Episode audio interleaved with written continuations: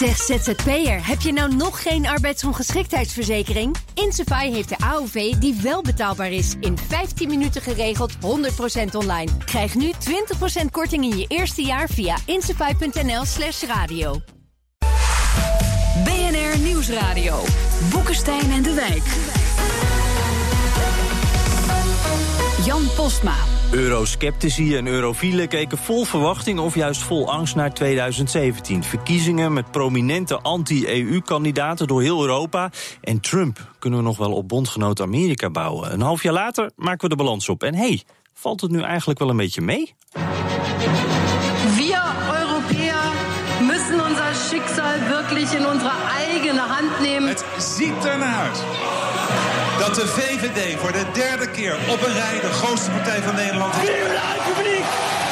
Vive la France! I would point out that the United States has demonstrated not merely with words, but with its actions that we stand firmly behind Article 5. Ja, we zijn halverwege 2017. De machtsverhoudingen in de wereld zijn nog steeds aan het verschuiven. Waar staan we nu? En zijn die voorspellingen die hier aan het begin van het jaar werden gedaan door de heren een beetje uitgekomen? Welkom bij Boekenstein in de Wijk op zoek naar de nieuwe wereldorde. Met in de studio zijn analyses zijn van een verbluffend niveau en zijn formuleringen zijn van een literaire kwaliteit en een eloquentie waar wij alleen maar jaloers op kunnen zijn. Luister maar. Ja, mooi gezegd hoor. En uh, sinds vorige week staat hij ook bekend als de man die in zijn blote torso durfde op te staan tegen minister Koenders. Arend Jan Boekenstein. Goedemiddag. Hij krijgt er een kleurtje van. Fijn, Arend Jan. nou ja, daar hebben wij al uitgebreid over gesproken. En ik heb uh, mijn ongenoegen al uh, duidelijk gemaakt. Ja, bedoel, valt... Dat je het Nederlandse volk daarmee confronteert is echt onvoorstelbaar. Het, het, valt me wel op dat de ene wat meer plezier bij heeft dan de andere in dit geval, ja. ja moet hij met zijn mond houden. De kijkcijfers waren skyrocket. ja, en u hoorde hem al. Nederland kende hem als de man die altijd sprak zonder twijfel. Je wist gewoon dat hij gelijk had. Maar wat blijkt nu? Zet hem in een keuken, vervang het pak door een schort... en de brani maakt ruimte voor twijfel en wel heel zorgvuldig indekken. Er kan van alles misgaan, maar het is wel ongelooflijk lekker als het lukt. Ja, als het lukt. Zo kennen we helemaal niet Rob de Wijk. Nou, in dit geval wel. Je moet ook uh, je beperkingen kennen. Toch? Ja, en in het geval van de keuken, uh, ben je een beetje een goede kok eigenlijk? Ik vind het wel leuk om te doen. Dat wil nog niet zeggen. Nou ja, ik heb nog nooit, uh, ik heb nog nooit uh, mensen bij mij gehad die dan brakend weggingen of zo. Of ineens het toilet moesten opzoeken. Een uitstekende cannelloni maken. ja, is dat, uh, is nee, dat ook de signature dish? Ja. Nou, ja? nee, helemaal niet. Dat heeft eigenlijk Jan een keer bij mij. dat heeft hij een keer bij mij gegeten. En ja. nou denk ik dat dat het enige is wat we kunnen maken. Dat is natuurlijk niet zo. Veel breder oeuvre. Waar we hier alleen nog stampot maken en zo. En gebakken aardappelen. En Arend Jan die kan ongelooflijk goed dopetten opwarmen. Dat is echt meestelijk in. Dat is ook een gave. En toch komen ze hier elke week met lege handen. Ik weet niet waarom dat is. Ik ben wel ook wel eens uh, van die lekkere gerechten. Laat die dan maar zitten. Begin. Ja, uh, mocht iemand het nog gemist hebben, trouwens nog even voor de mensen die het niet hebben gezien. Jullie zijn nu op tv te zien bij WNL. Uh, deze keer weer even zonder camera. Dat is wel zo prettig, toch? Dat is eigenlijk veel leuker. Ik mis ze wel hoor. Ik mis ja, ook de webcam. Ja, ik mis, ze missen de, de webcam. webcam. Je moet nou mijn t-shirt aanhouden. Ja, dit, dit is dan een onthulling over Arend Jan Thuis, de webcam, denk ik. Maar goed, we gaan even evalueren. Een uh, half jaar geleden keken jullie in de glazen bol. En we gaan nu eens kijken of die voorspellingen ook zijn uitgekomen. En laten we dan even beginnen met Trump. We gaan een half jaar terug in de tijd dus. En dit zeiden jullie in januari over de toen nog president-elect Donald Trump. Wat er nu zou kunnen gebeuren is dat Trump samen met Poetin een deal sluit... waar Europa eigenlijk helemaal niks meer ja. over te zeggen heeft. Ja, wat zou er dan het zou me niet verbazen als, uh, als uh, Trump en Poetin aansturen op een nieuw Jalta. Ja, met de nieuw Jalta werd dan bedoeld een soort, soort uitruil van bijvoorbeeld Oekraïne voor Poetin, de Baltische Staten voor het Westen. Uh, ja, Rob, uh, volgens mij, we hebben nog geen berichten gehoord. Nee, maar het zal zeker niet bij een vergadering zoals uh, de G20 worden besproken. Mm -hmm. Maar als die relatie tussen Poetin en Trump wat beter wordt, dan uh, gaan die discussies onvermijdelijk komen. Uh, om even uit de school te klappen over het programma wat Arend-Jan en ik nu aan het maken zijn. Daar hebben we Sergei Garaganov in. Uh, toch niet een onbelangrijke adviseur van het Kremlin. En die zegt toch gewoon, dit moet er gewoon komen, toch? He? Ja. Maar het interessante vind ik dus, Trump belooft eigenlijk in zijn verkiezingstijd dat hij zich zou afzetten tegen China en een soort toenadering tot Rusland zou zoeken. Mhm. Tot nu toe is dat niet gebeurd, want Xi heeft eigenlijk heeft een, een betere behandeling gehad dan Poetin. Nou, jij heeft wel ook Ja. ruzie met Xi inmiddels, hoor. Ja, ja, hij heeft zeker. eigenlijk met ruzie met iedereen. Ja. Dat is natuurlijk wel aardig. Maar wat ik interessant aan vind is Ja. dat Poetin, eh, sorry, eh, Trump, Trump. is dus eigenlijk een ontregelaar. Je kunt er Ja. geen pijl op trekken. En dat brengt grappig genoeg Poetin in een probleem, want die is ook een ontregelaar. Hè? Dus de, de ontregelaar ontregelt de andere ontregelaar. En Maar kunnen die twee ontregelaars dan nog vinden? Met bijvoorbeeld zo'n nieuw Jalta? Of, of denk je dan dat dat duurt dan toch wel... Die moeten Nou, eerst elkaar nog wat meer vinden? Dat kan je niet voorspellen, maar het is nog steeds denkbaar dat die twee naar elkaar toe kruipen. Het zijn wel dezelfde persoonlijkheden en ze zijn ook allebei niet vies van eh, ja, een regeermethode die toch redelijk haak staat op de democratie zoals we die in het Westen hebben. Het is ook niet voor niks dat eh, eh, Poetin de afgelopen dagen, oh, sorry, Trump de afgelopen dagen is afgereisd naar Polen. Ik bedoel, eh, laten we zeggen, politiek staat hij eh, dichter bij eh, de Polen dan bij de Duitsers. Ja, alleen in Polen heeft hij natuurlijk wel een aantal dingen gezegd die Poetin niet wil horen. Hè? Zoals dat Poetin stoute dingen in de Oekraïne doet. Dat was eigenlijk een Ja. beetje in strijd met wat hij in de verkiezingstijd Ja. Maar is, is dat, eh, waar, waarom doet hij dat? Is dat voor de bühne? Is dat om de Polen dan een beetje gerust te stellen? Wat- Nou ja, hij, hij voelt zich dus heel dicht bij de Polen. De familie is belangrijk. Het christendom is ook belangrijk. Hè? En een sterke man, democratie is niet zo heel Mhm. Vindt erg. hij ook allemaal vindt wel hij een ook beetje, allemaal. ja? En verder, eerlijk gezegd, als je nou in echt na nadenkt... Ik, ik, ik vind eigenlijk dat Trump, die heeft eigenlijk helemaal geen opvattingen. Dat is een man die doet gewoon intuïtief, Ja, opereert hij. Jan, ja. En hij houdt van sterke mannen en zo, weet je wel. Maar daar heb je wel gelijk in. Maar tegelijkertijd, als je dus kijkt naar wat hij op dit ogenblik doet, hoe hij Korea aanpakt, dat doet hij via China. Hij zet dus China onder druk om Korea onder druk te, te zetten, omdat hij dat zelf niet kan. Ehm, hij heeft eh, Syrië gemombardeerd eh, als eh, vergelding voor het inzetten van chemische wapens. Hij voert op dit ogenblik een buitenlands beleid dat opmerkelijk goed in de traditie past van de Verenigde Staten. Dus het is niet zo dat hij totaal van de rails aan het lopen is. En wat hij dus nu in Polen heeft te geroepen over eh, de collectieve verdedigingsclausule van de NAVO. Dat soort zaken, dat past. Dat past redelijk in het traditionele Amerikaanse beleid. Dat wil niet zeggen dat hij niet op punten ongelooflijk onberekenbaar is. Maar eh, waardoor de persoonlijke relatie met Poetin en bijvoorbeeld met president Xi van eh, China gewoon totaal geschaad kan worden. Zeker. En Jij hebt, eh, sorry hoor, ja, Rob, jij hebt al eens gezegd namelijk dat persoonlijkheden of personen dat dat een minder groot, die een minder grote rol spelen in dit soort. Hoe zit dat, hier eh, dan? Nou ja, dat, eh, wat ik nu zeg, dat heb ik eh, toen, eh, toen Trump hieraan begon, en eigenlijk al toen die eh, echt, echt volop in de race kwam, heb ik al gezegd van eh, de marges in het buitenlands beleid, ook voor de Verenigde Staten, zijn niet al te groot. En dat blijkt, dat blijkt inderdaad zo te zijn. Dat wil niet zeggen dat je niet een ongehoorde schade kan aanrichten, maar de marges zijn tamelijk klein. En je ziet nu dat hij steeds meer tot de conclusie komt dat hij zich binnen die marges moet gaan eh, optreden. En dat hij, dat hij binnen die marges moet opereren. Dat hij dus niet maar wat kan doen. Ja. Dat blijkt dus niet. En hij wordt ook steeds meer in de hand gehouden door zijn adviseurs. En dat zijn niet de Bannons van deze wereld, die eigenlijk gewoon, ja, die zelf benoemde, eh, wat was het, Leninist, die alle kanten op wil gaan en die wil gaan slopen. En je ziet dat dat ook niet kan. ja, chief, chief advisor. Ja, dat wil 2000. niet zeggen dat hij niet ongehoorde schade gaat aanbrengen. Dat er is één punt waar eh, Trump echt anders is. En dat is dat hij protectionistisch is. En dat is echt een groot eh, probleem. Ja.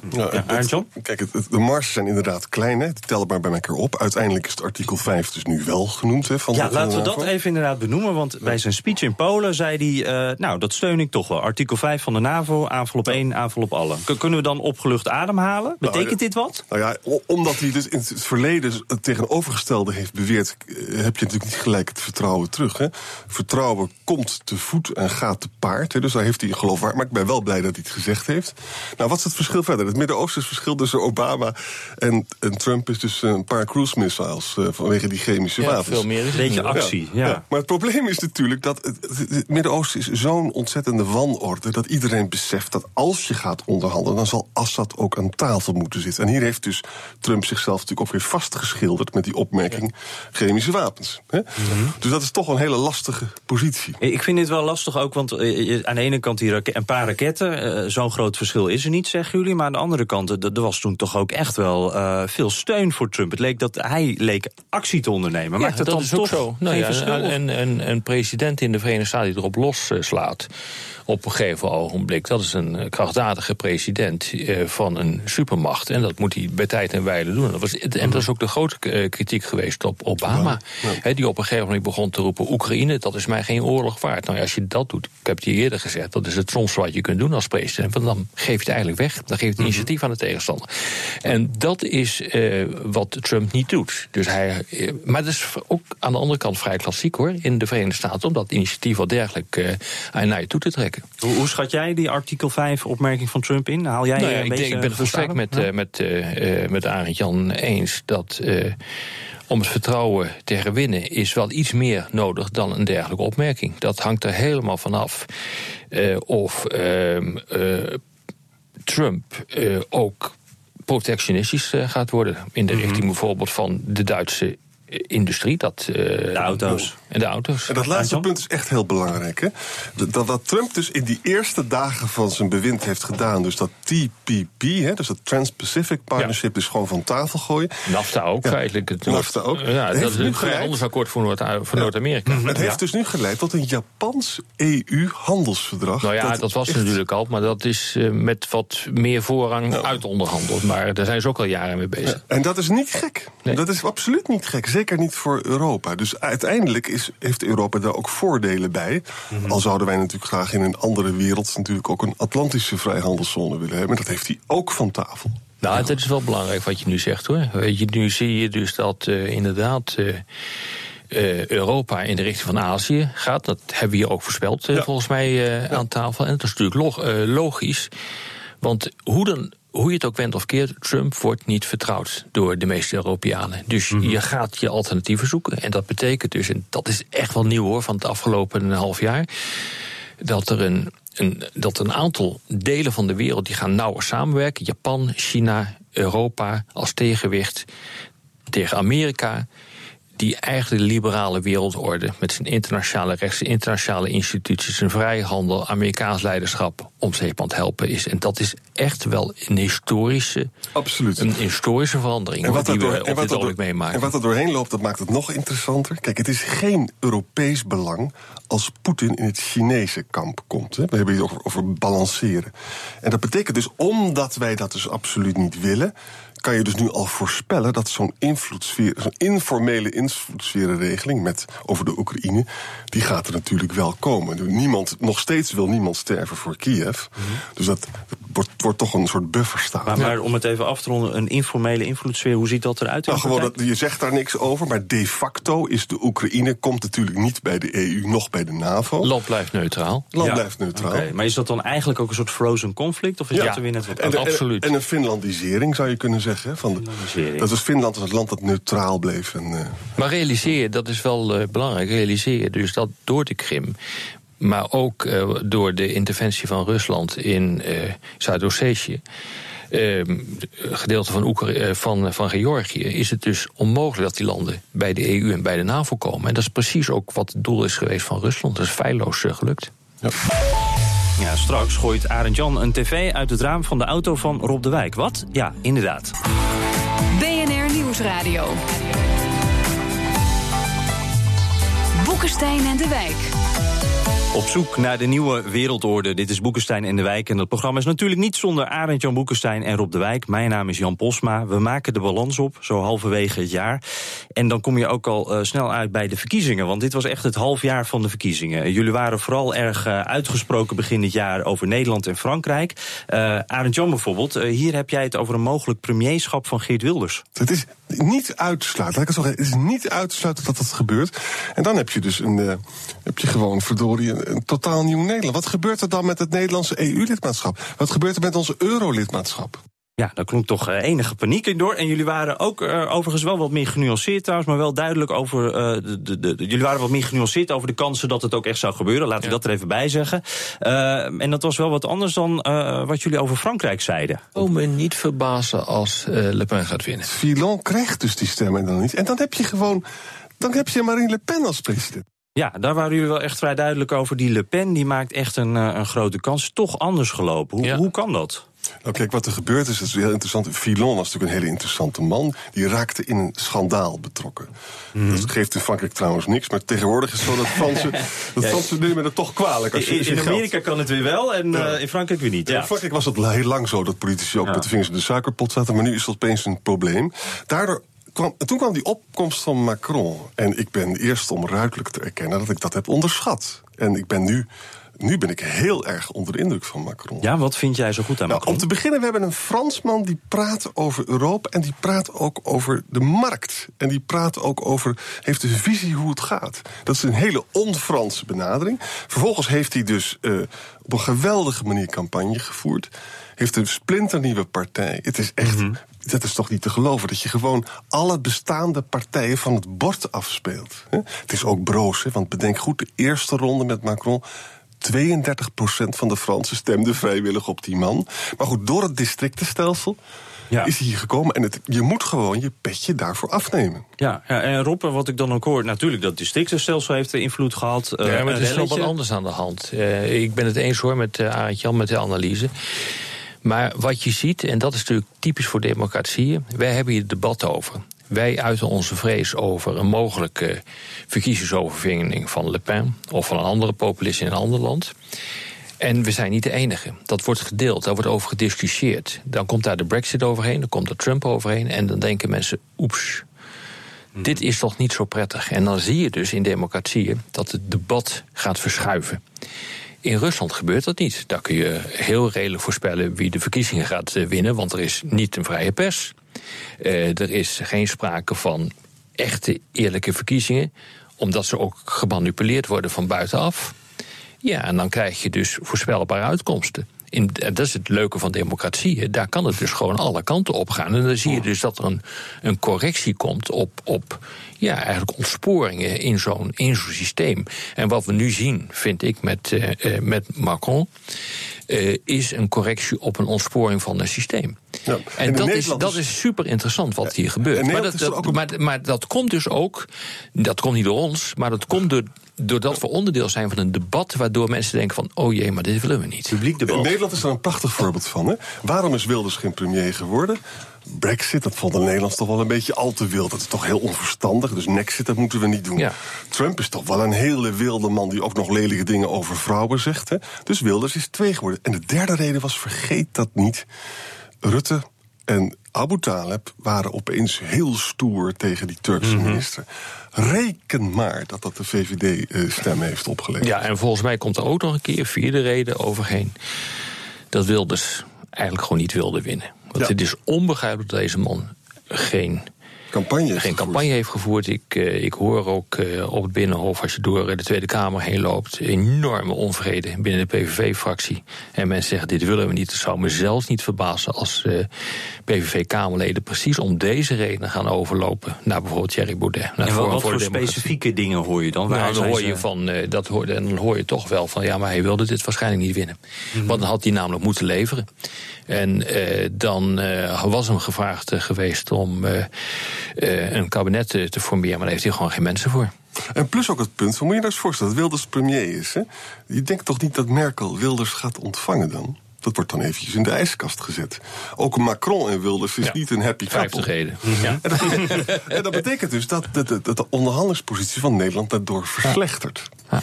En, en, nog even snel terug hoor, die, die PVV'ers hoor je dan, want je hoort dan altijd Forum voor Democratie, zou dan een goede uh, Alternatief plek zijn? zijn. Ja, nee, hoor je dat hoor, dan ook? Ik Is hoor dat de dus, plek? ja, weet je, het zijn natuurlijk allemaal geruchten. Ja, voor, wat, voor, wat, voor wat het waard is. Maar uh, het zou mij niet verbazen op grond van die geruchten als op een gegeven moment mensen overstappen van de PVV naar het Forum voor democratie. Dat zou, Mhm. en dat is ook klassiek hoor. Dan krijg je gewoon strijd op, eh, op, eh, op uiterst rechts. Dat is niet gek. Want de extreme partijen die, eh, eh, die knokken altijd met elkaar. Ja. Ja. Het Hey, grote probleem van Forum is overigens wel dat ze gewoon hartstikke aan Nexit eh, vasthouden. Althans, Thierry doet dat. Dat zal Thierry moeten verwateren. Er zijn ongetwijfeld leden van die partij die beseffen dat dat natuurlijk gewoon onzin is. Maar zegt, hij- oh, oh, maar dan moet hij, we hebben natuurlijk vaak genoeg eh, ook hier gehad, Thierry Baudet, maar hij moest zich natuurlijk gewoon realiseren dat het een onhoudbaar standpunt is. Ja. Want als je dus nu kijkt wat voor een bende het is rond die brexit en wat het nu op dit ogenblik al gewoon de, de Britten kost en ook in een portemonnee merkbaar, dan is het absoluut schandalig om eh, die koers eh, te handhaven. Maar wat, wat zeg- zeggen jullie tweeën nou eh, onhoudbaar, want eh, eh, dit is iets waar wij totaal niet mee eens zijn en je ziet de gevolgen, of onhoudbaar om ooit electoraal echt succes te kunnen? Beide. Beide. Maar, maar luister, maar ook de inhoud. Onze export gaat voor een groot gedeelte naar het EU van de 28. Mhm. Dan ga je daar toch niet uit. Kijk, over de, over de euro kan je van alles bedenken. Maar de gemeenschappelijke markt is onze welvaart. Ik ga toch niet in mijn eigen voet schieten? Ja, dat hebben de Britten dus nu gedaan. Hè, De pond is met 15% gedaald de afgelopen tijd. Moet je eens kijken wat dat eh, voor gevolgen heeft voor de importen. Lonen. La- laten we nog eventjes ook een beetje vooruitkijken. Want we, er zitten ook nog wat verkiezingen aan te komen. We hebben nu wat, wat eh, we hebben een soort lijn ontdekt, denk ik, in de verkiezingen die we gehad hebben. Maar eh, Duitsland zit er nog aan te komen, Italië. Eh, hoe kijken jullie daar tegenaan? Kunnen we die lijn dan doortrekken? Nou, of is dat dan Duitsland lijkt het er heel sterk op. Het zou mij ook heel erg verbazen, want ik ben helemaal niet zo onder de indruk van die eh, STP en ook zeker niet van Schulze. Dat gaat Merkel gewoon fluitend winnen. En als ik de Duitsers Altijd een gevaarlijkste uitspraak. Maar de- dan moet je zeggen, de kans is vrij groot dat. Ja, maar je Ja, mag deze wel mooi hoor. Je gaat zeker winnen. Gaan we, ja. Je mag me ophangen. Je mag me ophangen. En, en je noemde nog een Italië, dat blijft een zorgenkind. Dat was steeds jouw grote nachtmerrie, Ja, toch, maar het- Italië? Het was even zo dus dat Vijf Sterren heeft een probleem. Want ze hebben dus corruptie. Ze zijn net zo corrupt als de andere elite, zeg maar. Hè. En ze hebben problemen in Turijn en Rome met die burgemeesters. Maar nou gaat dus weer die, die partij van Berlusconi Ja, stijgt maar nou dat weer. zei- die wil geen exit uit de Europese Unie. Kijk, en ik vind eerlijk gezegd, die landen doen maar. Ik bedoel, dat is ook het recht van kiezers om eh, eh, voor eh, dit soort partijen te kiezen. Als ze maar niet daarmee de Europese Unie opblazen. Want dan word ik er namelijk ook slechter van. En ik hoef er niet slechter van te worden van wat er in eh, Italië gebeurt. Hè. We hebben een, aan één brexit hebben we wel genoeg, moet ik zeggen. En laat ik daar ook nog een voorspelling doen. Dan kan je me helemaal ophangen straks. Dit wordt wat erop. Hij, Weet je, Berlusconi durft dus niet uit de je euro. later alleen hoor. Berlusconi durft niet uit de euro te stappen. Kijk nou eens naar het Front National. Daar was ook een breuklijn hè, tussen Maria, Marine en, en Marion, Marion in het zuiden. En die waren boos, want ze had helemaal niet over de euro moeten beginnen. In Italië zijn ook allemaal mensen die hebben een pensioen. En die weten heel goed dat als Italië uit de euro gaat, dat dat niet minder waard wordt. Dus ik denk dus, het, we krijgen, ik hoop dat we een goed kabinet krijgen. Maar als we geen goed kabinet daar krijgen, dan is het echt nog niet zo dat ze gelijk uit de euro stappen. Oké, nou, eh, net viel al eh, eh, Europa opblazen, eventjes zo. Ik vroeg jullie, in, jullie zeggen het nu heel luchtig, hè, maar in januari vroeg ik jullie al even... hoe staat de EU er over een half jaar uit? Eh, nu dus.